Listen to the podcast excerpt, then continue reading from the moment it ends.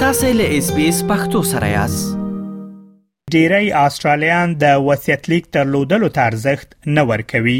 د 2015 کال د یوې چیړنې پر اساس یوازې هغه کسان چې عمرونه زیات دي او یا هم زیاته سرمایه لري غواړي وصیت لیک ولري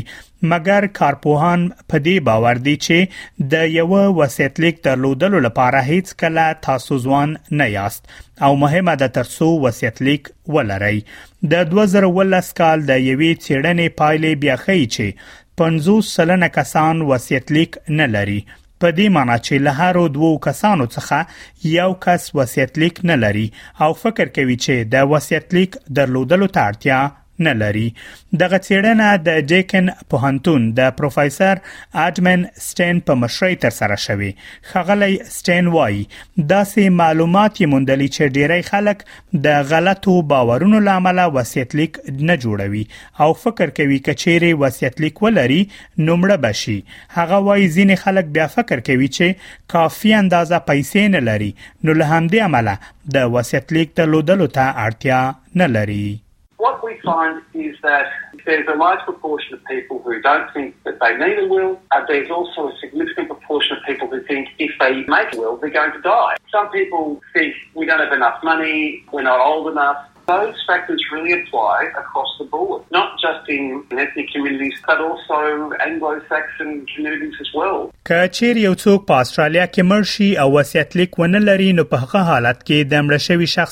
ټول میراث د استرالیا د ایالتونو او سیمو د قوانینو پر اساس خلکو ته ویشل کیږي د حقوقي چارو وکیل ډین کالمنیوس وایي د وصیتنامې شتون د دې لامل ګرځي ترڅو د کورنۍ غړي لمړینه ورسته سرګردان نشي هغه وایي د وصیت لیک په اړه خلک فکر کوي چې دا د ژوند پای ته د نږدې کېدو په معنا ده مګر هغه وایي چې تاسو هیڅ کله نه پوهیږئ چې څه پیښیږي نو له همدې امله دا ښه خبره ده ترڅو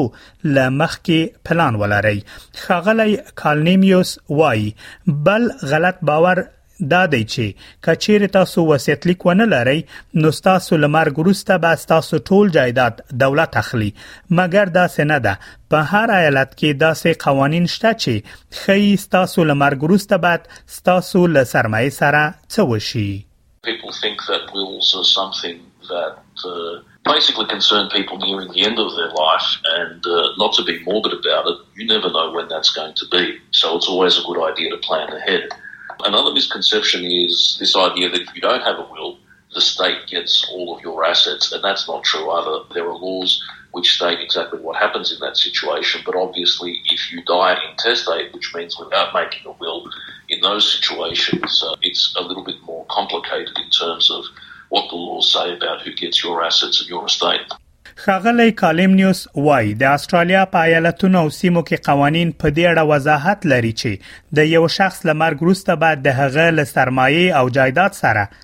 څه وشي مګر قانون په دې نه پوهیږي چې تاسو لمرګ مخکي څرنګ غواړی خپل میراث لمرګ وروسته خلکو ته ورکړی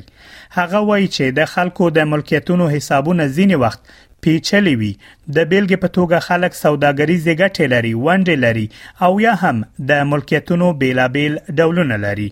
یا دا چې یو کس تاسو لپاره مهمه ده تاسو غواړئ یو اندازه میراث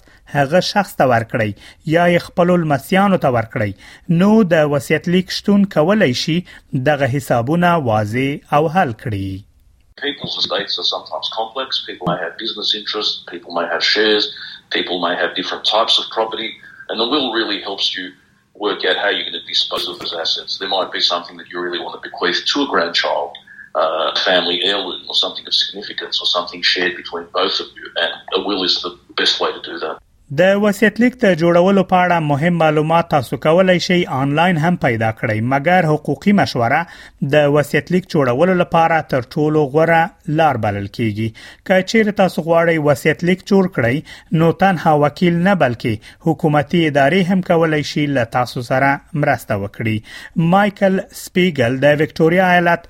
د باور خدمتونه ادارې اجرایوي مشر دی هغه وایي د وصیت لیک شتون نه یوازې د جایدادونو او سرمایو د ویش لپاره مهمه ده بلکې د سرپرستۍ لپاره هم مهمه ده هغه وایي که چیرې تاسو وصیت لیک ونه لرئ نو د اشخاصو یا ماشومانو د سرپرستی پریکړه هم د حکومت د قوانینو پر اساس نیول کیږي او قوانین د ماشومانو د سرپرستی پریکړه په دې اساس نه نیسي چې څوک یې خپل دی او کولای شي ماشومان وساتي بلکې د قوانینو پر اساس کېدای شي هغوی د ماشومانو د ساتنې مسؤلیت یو شمیر مرکزونو ته وسپاري